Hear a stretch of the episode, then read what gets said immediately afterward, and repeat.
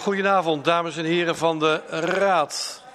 Zou ik u mogen vragen te gaan zitten en de onderlinge beraadslagingen te staken? Ik kan niet iedereen helemaal zien, maar dat heeft te maken met het feit dat we straks een inspreker krijgen.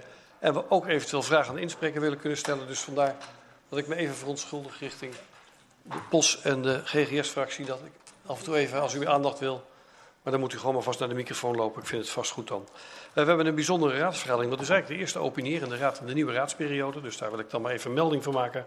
Dat heeft tot bijzonderheid dat we hier drie personen aan de bestuurderstafel hebben zitten die ook daar kunnen zitten. Uh, maar ja, we doen maar toch alsof ze nog even wethouder zijn, want het is uh, juridisch ook nog zo. Ze zijn ook raadslid, ze mogen stemmen. We doen een stukje monisme nog. Dat is van voor 2002 voor de liefhebbers. Moet u maar eens opzoeken. Het geschiedenisboek was toen ook heel leuk. Uh, maar net een andere vorm.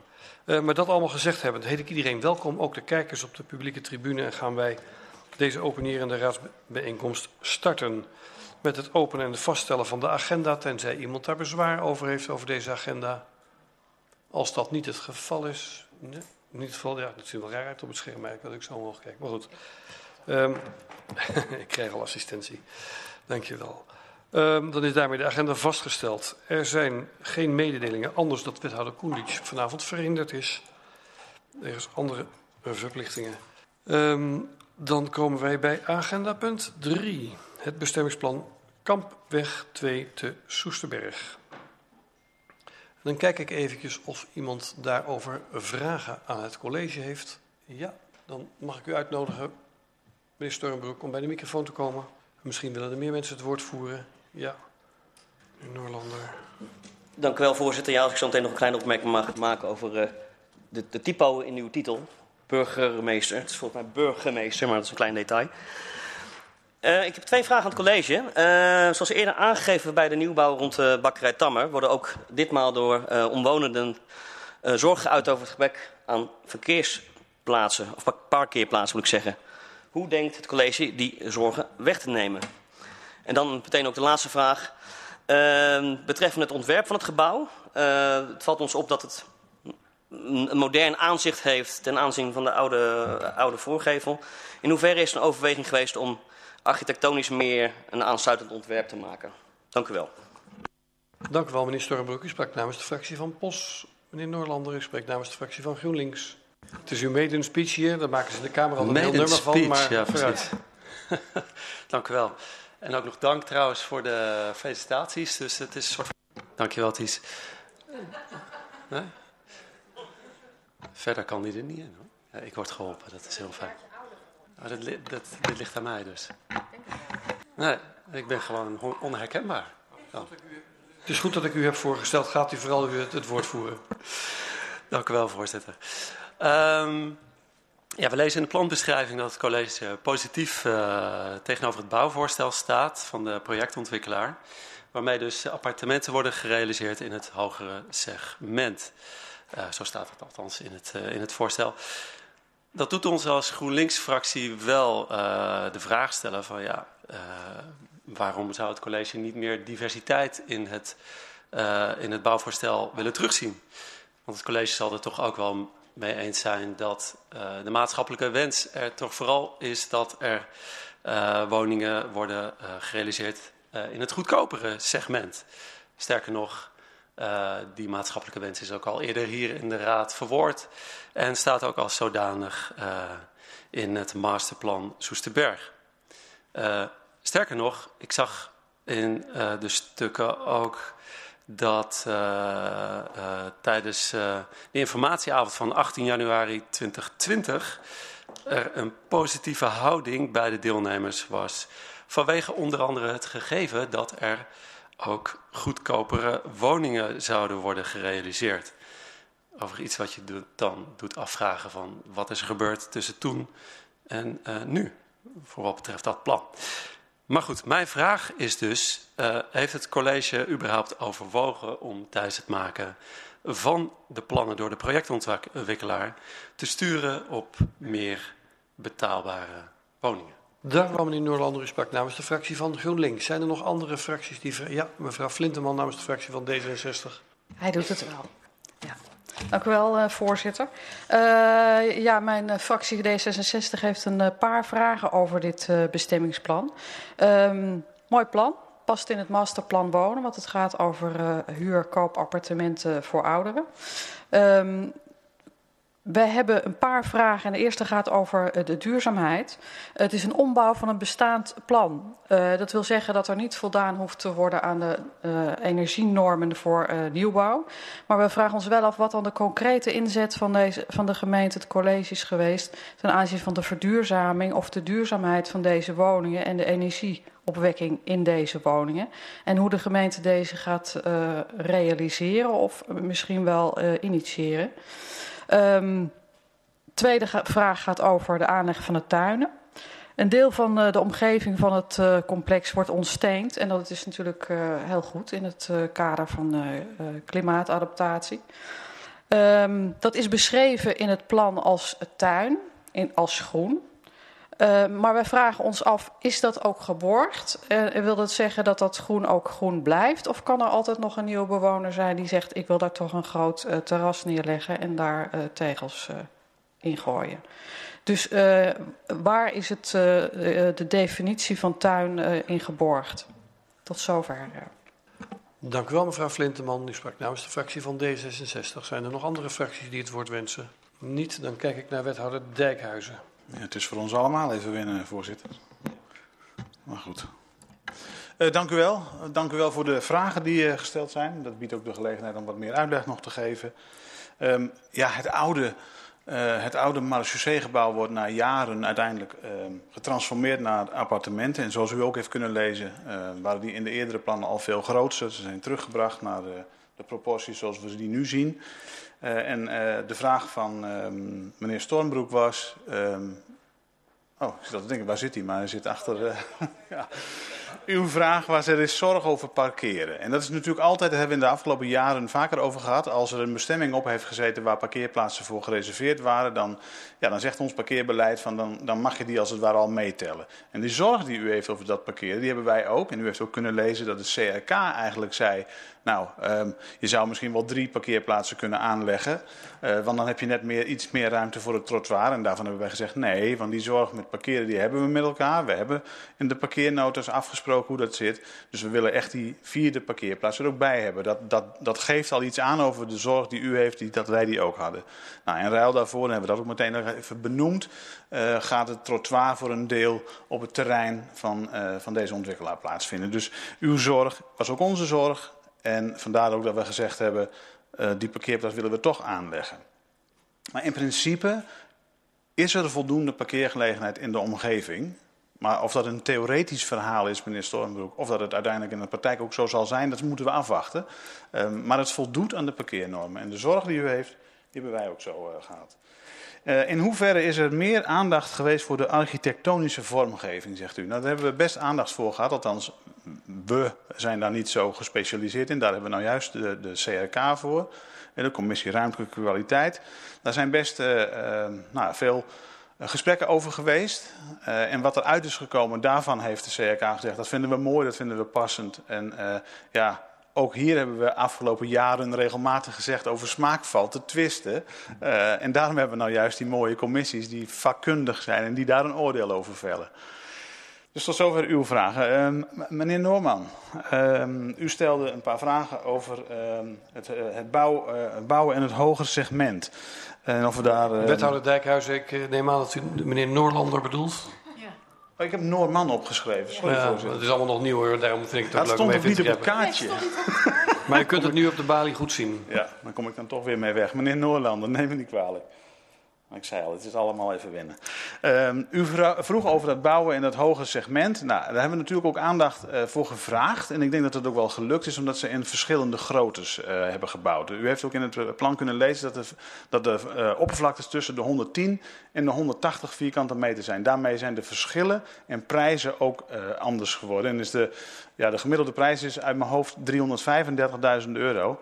dat vind ik best heel veel geld. Aan de andere kant, ehm, ja, of dat een, een beetje uh, ja, betaalbaar is. Formeel is het een betaalbare prijs. Maar er is aandacht voor geweest. Daarom zijn er verschillende groottes gebouwd. Het zijn er maar zes, maar wel zes met verschillende afmetingen. Waardoor het voor de een misschien net meer betaalbaar is dan voor de ander. Uh, heeft u nog een andere vraag gesteld? Heeft het college overwogen te sturen op die... Nou ja, op die, op die vraag heb ik denk ik antwoord gegeven. Dan D66, wat is de concrete inzet op duurzaamheid? Ja, u zei al, uh, even zoeken, nieuwe plekken inderdaad, daar zit u. uh, u zei al, het is al een tijdje aan de gang en de, de, in de strikte regels die zijn nog niet van toepassing. Maar natuurlijk wordt er zo duurzaam mogelijk gebouwd. Dus u zult daar een gebouw zien die, ja, die voorzien wordt van, van duurzame materialen, van duurzame... ja, zou ik het zeggen? Materialen in de zin van zonnepanelen, zoveel mogelijk eigen opwek. Um, ja, en ik zou bijna zeggen, laten we daar straks maar gaan kijken uiteindelijk. Maar daar zal een, een prachtig gebouw uh, neer worden gezet. Um, aan, de, aan de eisen... Uh, ja, aan de eisen die we vandaag stellen, hoefden ze nog niet te voldoen. Maar dat wil niet zeggen dat daar niet uh, maximaal aan gewerkt gaat worden. Dus daar ben ik, daar ben ik, daar ben ik niet zo bezorgd over. Um, oh ja, die tuinen. Ja, dat is ook, dat is ook zo'n dingetje. Ja, um, het, het, heeft de bestemming, het krijgt de bestemming tuin. En, en, en, ook dat is weer een kwestie van smaak. De een legt in zijn tuin allemaal tegels, want die vindt dat mooi. En zover gaat dat dus niet. Dus als, we, als u zegt, waar ligt de borg dat niemand tegels in die tuin legt... Ja, die borging is er niet. Maar het heeft wel de functie van tuin. Dus er zou niet een gebouw op kunnen komen. Er kan geen schuur opgezet worden. Of er kan nog geen andere dingen gedaan worden. Maar ja, um, of het helemaal een groene tuin wordt en ontsteend zal blijven... Ja, dat zal de toekomst uitwijzen. Maar in principe mag er niks anders gebeuren dan, dan dat.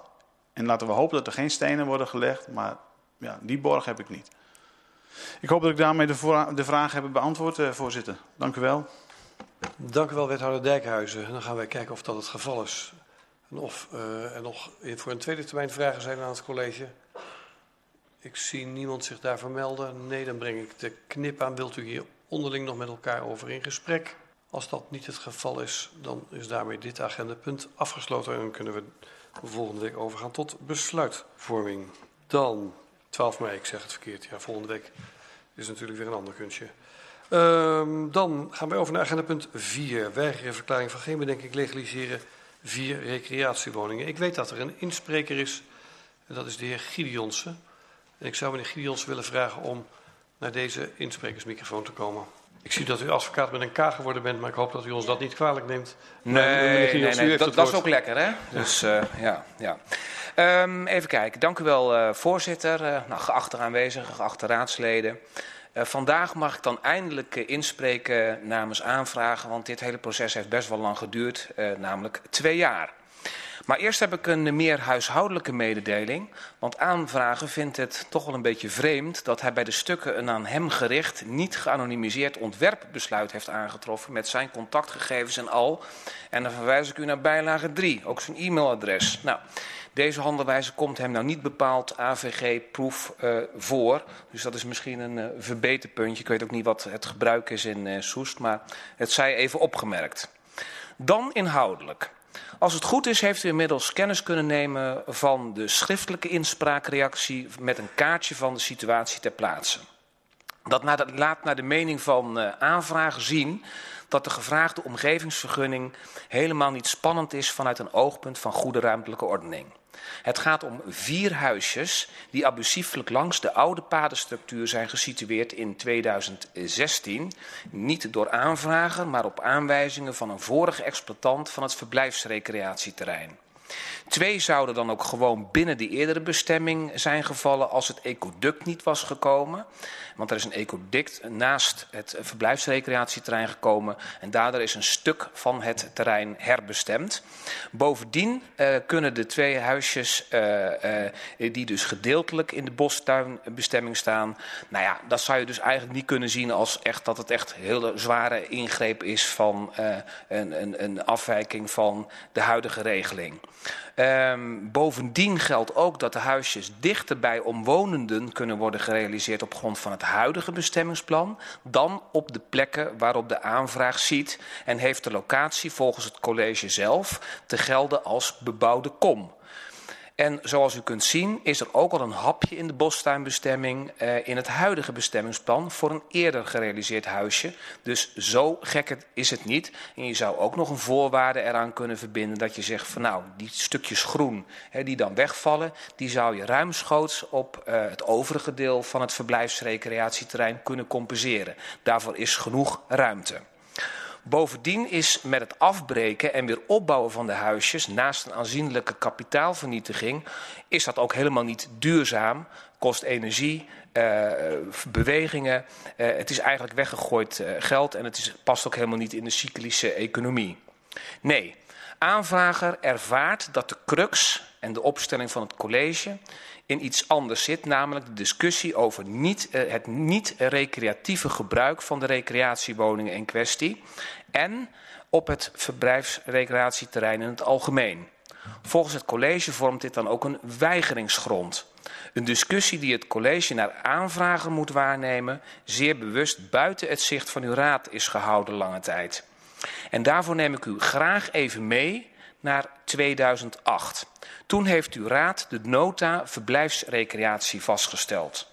Aanvrager begrijpt dat u eigenaren, exploitanten van verblijfsrecreatieterreinen daarin bewust enige ruimte hebt willen bieden voor niet-recreatief gebruik, zolang het maar geen echte uh, permanente bewoning betroft en dan echte tussen aanhalingstekens. Sterker, uw burgemeester en een wethouder hebben ook van deze mogelijkheid gebruik gemaakt door tijdelijk een huisje op het verblijfsrecreatieterrein niet recreatief te bewonen. Uh, hou mij te goede, aanvrager heeft ook helemaal geen probleem mee dat dat is gebeurd. Alleen dan kan het volgens hem vervolgens niet zo zijn dat het college jegens hem vervolgens wel opeens keihard gaat handhaven op alle vormen van niet-recreatief gebruik van recreatiewoningen. En dat is nu gebeurd. Dan is het volgens aanvrager van 2 of leden van het college zelf hebben ook illegaal gehandeld, of het door het college uitgevoerde beleid is opeens gewijzigd ten aanzien van aanvrager. U mag nu zeggen wat u hiervan vindt, want aanvrager ervaart dat hij door deze discussie ook ernstig is benadeeld bij de behandeling van zijn aanvraag door het college, ook procedureel en ook qua verloop van tijd. Want het is inmiddels al twee jaar geleden dat hij de ruim twee jaar geleden dat hij de aanvraag heeft gedaan. En zoals u weet is een, een, een aanvraag in de uitgebreide procedure normaliter, zoals de wet zegt, 26 weken. Aanvragen verzoekt u dan ook de handelwijze van het college ten aanzien van zijn aanvraag kritisch te beoordelen, de door het college gevraagde weigering te weigeren en het college op te roepen om het gesprek met hem aan te gaan over een passende oplossing in de gegeven omstandigheden. Dank u wel. Dank u wel, meneer Gideon. Doet u de microfoon uit, dat is inmiddels al gebeurd. Blijft u even staan. Dan ga ik kijken of er behoefte is om uh, vragen te stellen. Ik zie dat in ieder geval meneer De Ruiter van GroenLinks een vraag aan u heeft. Meneer De Ruiter, u heeft het woord. Ik wilde in ieder geval even met deze titel in beeld verschijnen. Excuus voor die wiets, uh, inspreker. Uh, dank, voorzitter. Um, wat voor ligt is weigering van weigering. de bouw van vier recreatiewoningen te legaliseren. Dus mijn vraag is dan ook klip en klaar zonder allerlei andere dingen eromheen. Waarom zijn er vier woningen gebouwd die niet in het bestemmingsplan passen. Zou u daar uw visie op kunnen geven? Meneer Gideonsen. Ah, zo. Ja, ik heb dat kort uiteengezet uh, zojuist al, maar ook in de schriftelijke uh, uiteenzetting volgens mij. Uh, we zullen daar in de zienswijze, mocht die nodig zijn, ook nog uitgebreid op ingaan. Maar het is zo, het park was voordat het ecoduct Boelestaal heet het geloof ik kwam, was het aanzienlijk groter. Althans een stuk uh, groter. Ik geloof uh, aan de zuidkant zat er een behoorlijk stukje bij. Dat is destijds door de provincie onteigend. Op het park uh, is een bestaande padenstructuur.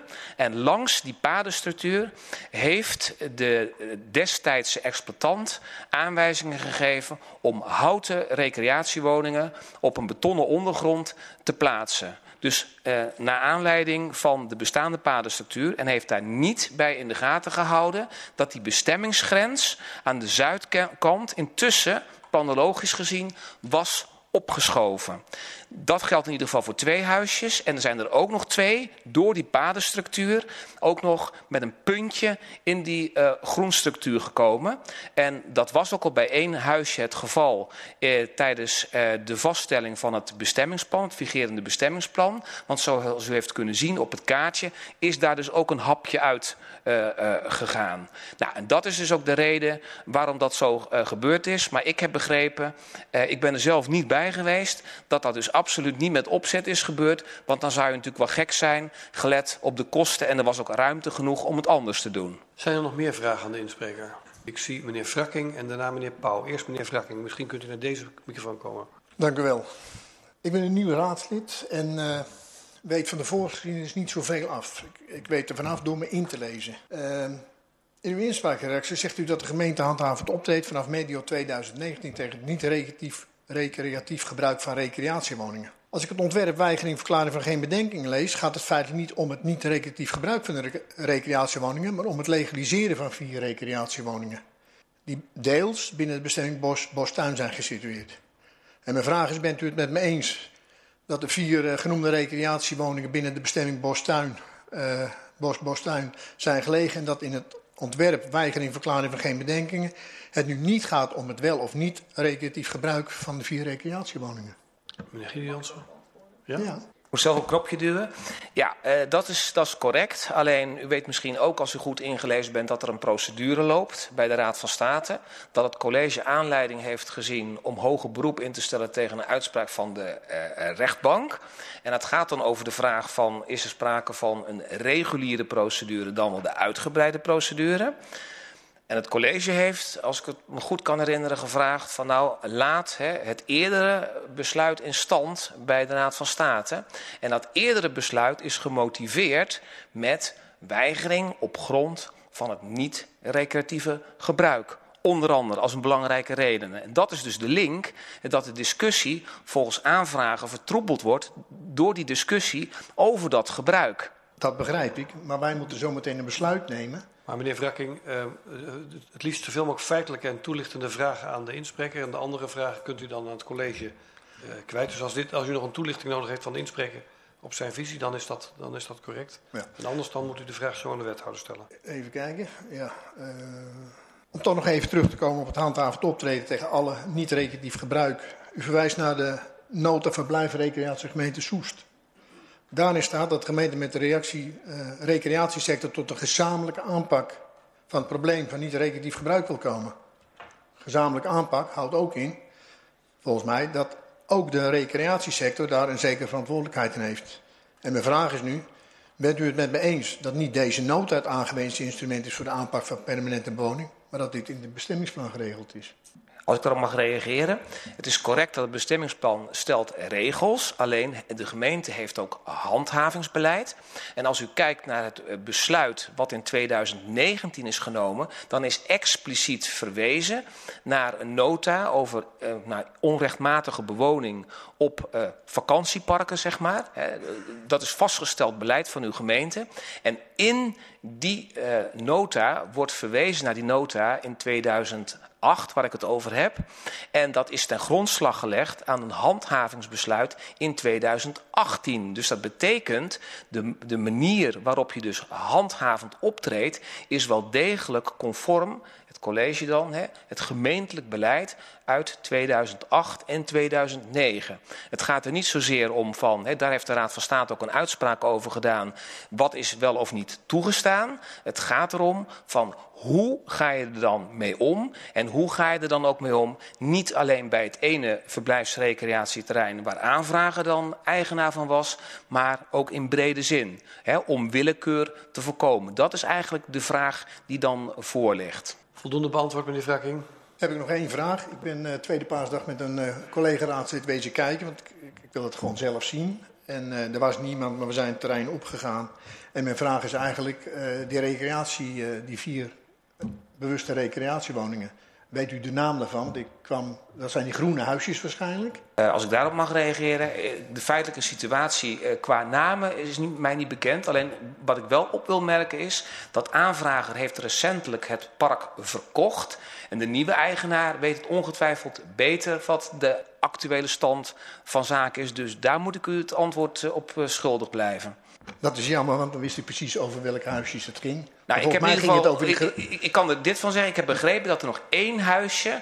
die zou nu nog op dit moment in de bostuinbestemming uh, staan. Dus dat zou nog misschien dan het inhoudelijke belang ook kunnen zijn. voor de nieuwe eigenaar. Meneer uh, de aanvrager. Hè, die heeft het met name, omdat die procedure ook zo lang uh, geduurd heeft. nu eigenlijk alleen maar over een, ja, een schadeverhaal. Oké. Ja, Die, dat soort technische vragen, meneer Vragen, kunt u ook via de reguliere weg in ons huis. Dan kunnen we u daarmee helpen als u daar belangstelling voor heeft. Als er verder geen vragen zijn. Oh ja, natuurlijk, meneer, meneer Pauw. Ik was hem bijna vergeten. Hoe kan ik dat vergeten? Meneer Pauw, fractie GGS. Voorzitter, eh, ik zou de heer Gideons een vraag willen stellen. Hij gaf aan dat hij eigenlijk dat zijn, zijn, zijn uh, opdrachtgever, uh, zeg maar, die huisjes heeft, uiteindelijk heeft geplaatst uh, na overleg met de vorige, vorige participant. Uh, heeft u uh, cliënt zeg maar, zich zeg maar, gerealiseerd dat er gewoon, als je dat doet, dat er ook een bouwvergunning moet worden gerealiseerd? Daar kan ik ook op antwoorden. Dat is ook een technisch antwoord. we kennen Nederland het besluit omgevingsrecht. In artikel 3 lid 2 van bijlage 2 is bepaald, dan word ik even heel technisch, dat je dus uh, uh, bouwwerken ten behoeve van recreatief nachtverblijf vergunningvrij kan realiseren, uh, mits het niet groter is dan 70 vierkante meter. grondoppervlak en 5 meter bouwhoogte. Dus die huisjes zijn voor de activiteit bouwen vergunningvrij. En dat is ook de reden waarom het dus niet eerst is getoetst door het college als vergunningverlener. Dus zo is het eigenlijk ontstaan. Oké, okay, dank u wel. Een duidelijk antwoord. Ja, ja. Dank u wel, meneer Pauw. Verder nog vragen aan de heer Gideonsen? Zo niet, dank u wel, meneer Gideonsen, voor, u, voor uw inbreng. En neemt u gerust weer plaats op de publieke tribune. Dan ga ik kijken of er vragen aan het college zijn. Ik zie in ieder geval meneer Wrakking. Meneer Wrakking, komt u maar naar deze microfoon als u uh, wil. En u spreekt namens de fractie van Soest 2002. Ja, het is even winnen. Gaat u verder, de namen die zijn de volgende keer vast wel goed, denk ik. Ja, het is nog even in de namen niet bij stond. Ja, ik heb een aantal vragen aan het college. Uh, onder het bestemmingsplan Amersfoort 1987 waren er op dat uh, recreatieterrein, het jachthuis, 25 zomerhuizen vergund. En in 2004 is een bouwvergunning verleend voor 20 recreatiewoningen. Terwijl in het vigerende bestemmingsplan landelijk gebied van 2015 ik lees dat voor bestaande verblijf recreatieve voorzieningen is de huidige situatie uitgangspunt voor de bestemmingsregeling. En mijn vraag is, of eh, vragen, waren ten tijde van de vaststelling van het bestemmingsplan landgebied deze vier recreatiewoningen al niet uh, reeds aanwezig? En betekent dit dan niet dat er toen wel sprake was van een ruimtelijke onderbouwing? Het goed dat ik, ik zal hem vandaag door laten lopen, maar dit is natuurlijk de nieuwe raad en het, dit zijn technische vragen. En die kunt u het best via pleiten. Ik laat u vandaag gewoon kijken of de wethouder antwoord kan geven. Maar ik moet natuurlijk in mijn rol ook iedereen weer opvoeden. Het gaat om de bestuurlijke vragen aan het college. Maar gaat u vooral verder. Ik wens u succes in de opvoeding. Dan zullen er nog meer komen die ik misschien uh, via. Daarom gaf ik al ruimte. Ja, dankjewel. In de regels van het bestemmingsplan landelijk gebied staat, en ik citeer: Voor het jachthuis zal in dit bestemmingsplan worden uitgegaan van de bestaande situatie. Ja? Betekent dit dan ook dat er de tijden van de vaststelling van het bestemmingsplan geen sprake was van impact op, impact op de privacy, hinder voor en aantasting van het woon-leefklimaat van de woning aan de Amersfoortse straat? Klopt het dat er momenteel 31 recreatie- en zomerwoningen zijn vergund en is bij het college bekend of deze vier recreatiewoningen binnen het aantal van 31 valt? Het zullen allemaal wel technische vragen zijn, heb ik zo het vermoeden. U leert snel. Goeie leermeester. In de inspraakreactie van uh, de heer Gedeons lees ik dat de aanvragen van de ten tijde van het indienen tevens een ruimtelijke onderbouwing van een gerenommeerd bureau heeft aangeleverd. Kunt u uitleggen waarom deze ruimtelijke onderbouwing ons onthouden is? En de volgende. Heeft het ontwerp weigeringverklaring van geen bedenkingen ter inzage gelegen? En zo ja, is of zijn daar dan zienswijzen op geweest? En omdat de Raad het algemeen belang moet laten prevaleren boven het individuele belang, zou ik graag van u willen weten wat in deze zaak het algemeen belang is, waarbij als Raad rekening mee moet houden. En dat was het dan. Dank u wel, meneer Vrakking. Ik zat er nog even op te kouwen. Nou, ik ben benieuwd wat de wethouder ervan maakt zo. Um, ik zie uh, meneer Pauw en dan meneer De Ruiter. Meneer Pauw, GGS. Ja, voorzitter. Naar aanleiding van uh, de reactie van de inspreker vanavond... wil ik graag uh, op de laatste reactie van de wethouder daarop een, een reactie. Een reactie op de reactie van de wethouder. Meneer De Ruiter. Kunt u de vraag iets toelichten? Want de wethouder geeft aan dat ze de vraag wat cryptisch uh, vindt. En ik herhaal dat maar even omdat het buiten de microfoon is. Maar wat wilt u nu precies van de wethouder weten? Nou, het gaat uh, er in wezen om dat de uh, heer Gideon geeft aan dat hij eigenlijk geen omgevingsvergunning nodig had. Of zeg maar bouwvergunning om dat te doen. En ik wil gewoon daar een reactie op van de wethouder. De wethouder geeft aan dat ze het helemaal snapt nu. En meneer de Ruiter, GroenLinks. Ja, dank u wel, voorzitter. Een variant op uh, dezelfde vraag. Ik zou het in ieder geval op prijs stellen als de portefeuillehouder een reactie zou willen geven op de opmerking van de inspreker dat verwachtingen gewekt zijn over de mogelijkheden voor woningen op deze plek, voor recreatief gebruik en zelfs voor niet-recreatief gebruik, mede door het gedrag van toenmalige collegeleden. Dat was geen vraag, dat was een verzoek. Ik zou het op prijs stellen. Um, mijn vraag is, um, het college is teruggefloten. Eerst door de commissie bezwaar en beroep, vervolgens door de rechtbank en vervolgens bij het aanvragen uh, van een voorlopige voorziening bij de Raad van State. Waarom besluit het college dan nu pas tot een uitgebreide procedure en legt dit voor aan de gemeenteraad? Uh, was het eerder voorleggen bij ons niet meer in lijn geweest met het luisteren naar deskundige commissies? We hoorden de andere wethouder net wat over zeggen. En nog belangrijker met de ambitie van deze raad uh, wat betreft participatie en volksvertegenwoordiging. Dank u wel, meneer de Ruiter. Zijn er nog meer vragen aan het college over dit onderwerp? Niet? Dan kijk ik naar wethouder Treep. Namens het college van BNW. Dank u, voorzitter. Um, meneer Frakking, ik zal uh, toch wat antwoorden geven op uw technische vragen. Sommige staan op Pleio en die had u ook daar gesteld, maar dat maakt niet uit. Um, u vraagt, was ten tijde van het vaststellen van het bestemmingsplan landelijk gebied, waren deze huisjes toen reeds aanwezig, ja of nee? Het antwoord is nee, die waren toen nog niet aanwezig. Um, en u vraagt, er zijn 31 huisjes vergund, vallen deze vier binnen dat aantal? Nee, deze vallen niet binnen dit aantal. Ze zijn in de verkeerde bestemming, daarmee... Uh, illegaal en het gaat om 31 vergunde huisjes die legaal staan. Um, even kijken. Het algemeen belang gaat erom dat wij uh, toetsen op het bestemmingsplan. Deze recreatieve huisjes zijn in een bos, bostuinbestemming en vallen daarmee niet in een uh, bestemming waar je, waar je mag bouwen.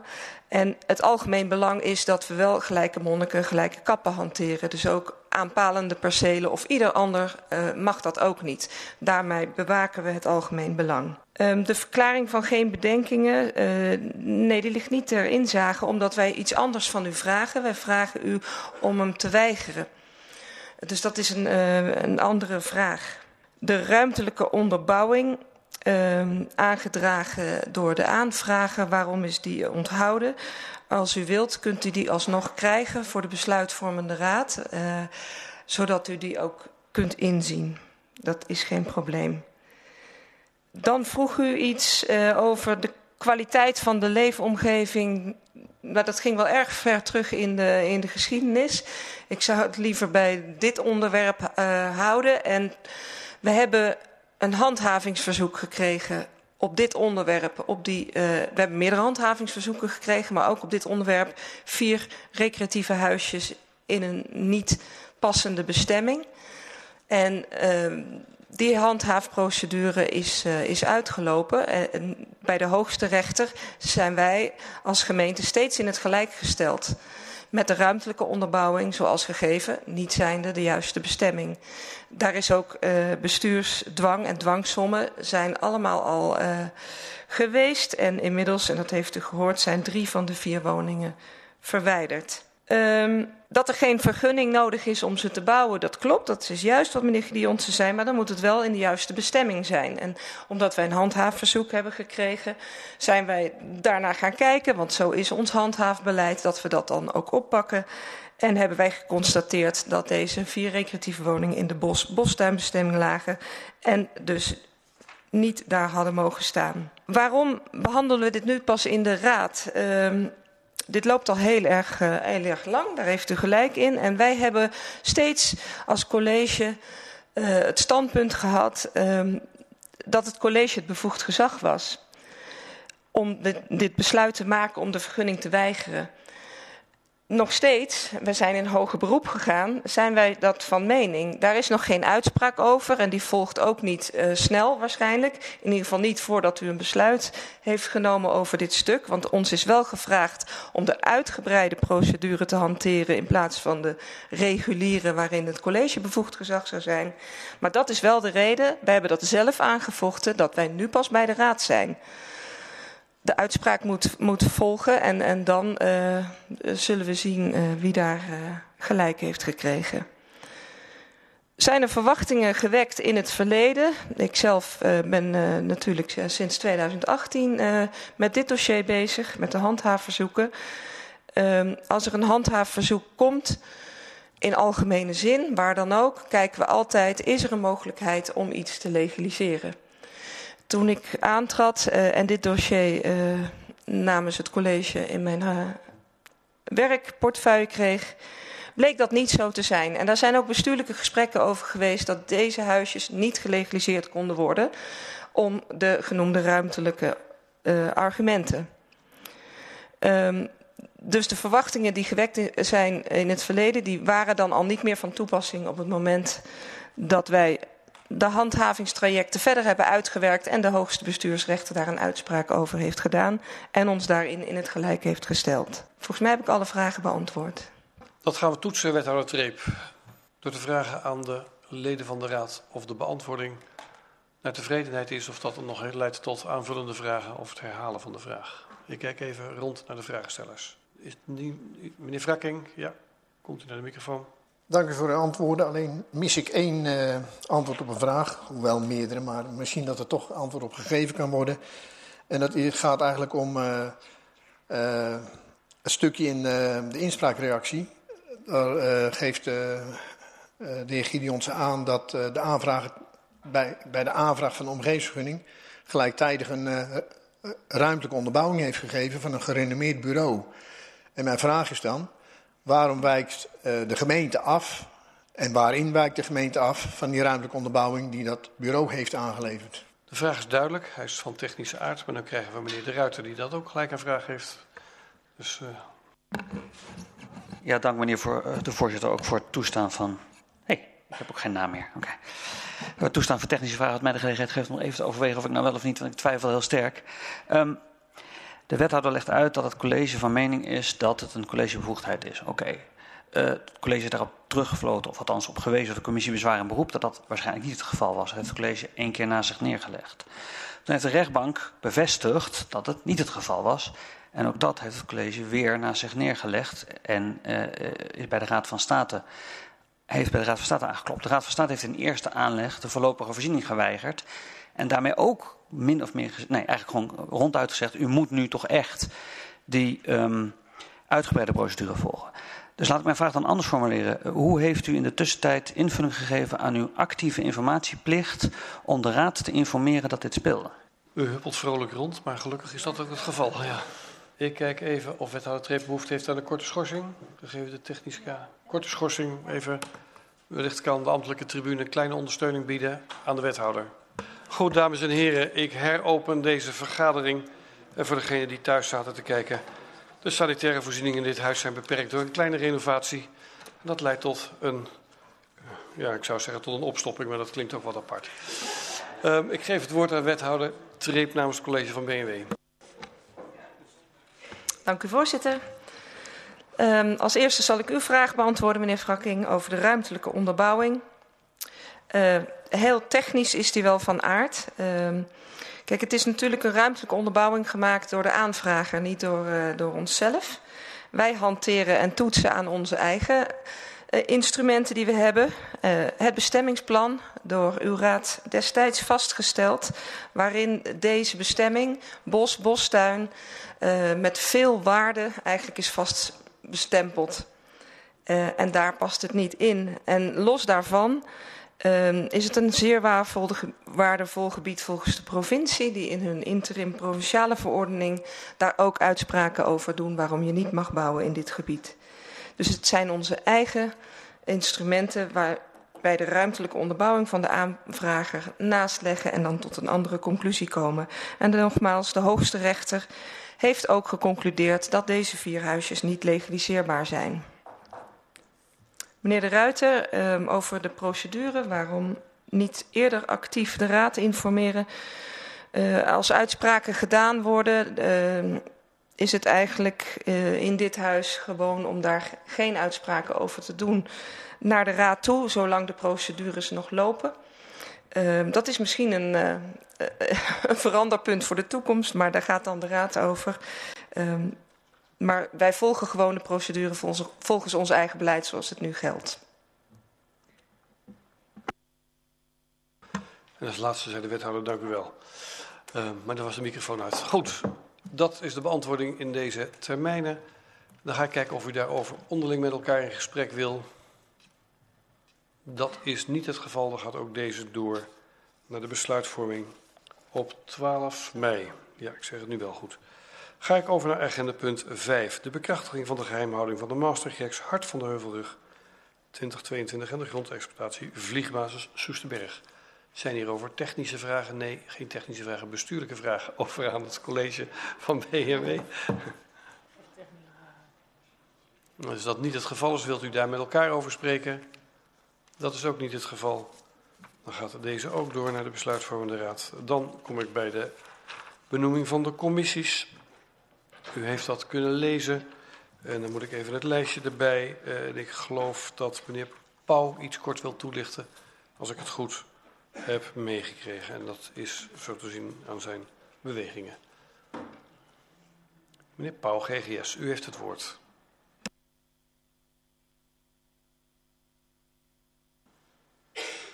Voorzitter, eh, dank u wel. Uh, even de toelichting over de kandidatuurstelling die wij doen uh, wat betreft uh, zeg maar de werkgeverscommissie. we hebben in het verleden altijd gewerkt conform zeg maar, de verordening die er is. met drie fractievoorzitters die in wezen de werkgeverscommissie zijn. Zelf zou ik nu dan aan een derde termijn zijn.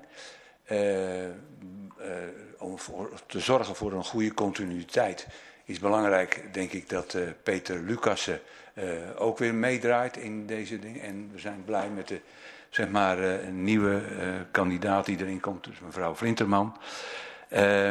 En ik wil in ieder geval u aangeven dat voor de zeg maar, continuïteit van deze commissie het goed zal zijn als ik dan, en zit dan langs reden, halverwege deze termijn zal terugtreden, zodat er dan in ieder geval een stukje continuïteit in deze commissie en rustig door kan werken met een linking pin naar de oude uh, zeg maar, samenstelling. Uh, ik denk dat dit uh, zeg maar voor deze tijd een goede oplossing is en dat we dus zeg maar een, als goed werkgever ook naar de griffier een eh, constant uh, goed uh, zeg maar aanspreekpunt kunnen zijn. Dat was mijn toelichting, voorzitter. Dank u wel, meneer Pauw. Leidt dat nog tot vragen onderling? Zo niet, dan gaan wij dat doen in de besluitvorming. Ook wederom in de twaalfde. Dan kom ik bij agendapunt 7. En dat is de sluiting van deze vergadering. Ik wil u danken voor deze eerste bijeenkomst, voor uw inbreng en de beantwoording. En ik wens iedereen een hele fijne avond toe. En ik sluit deze vergadering.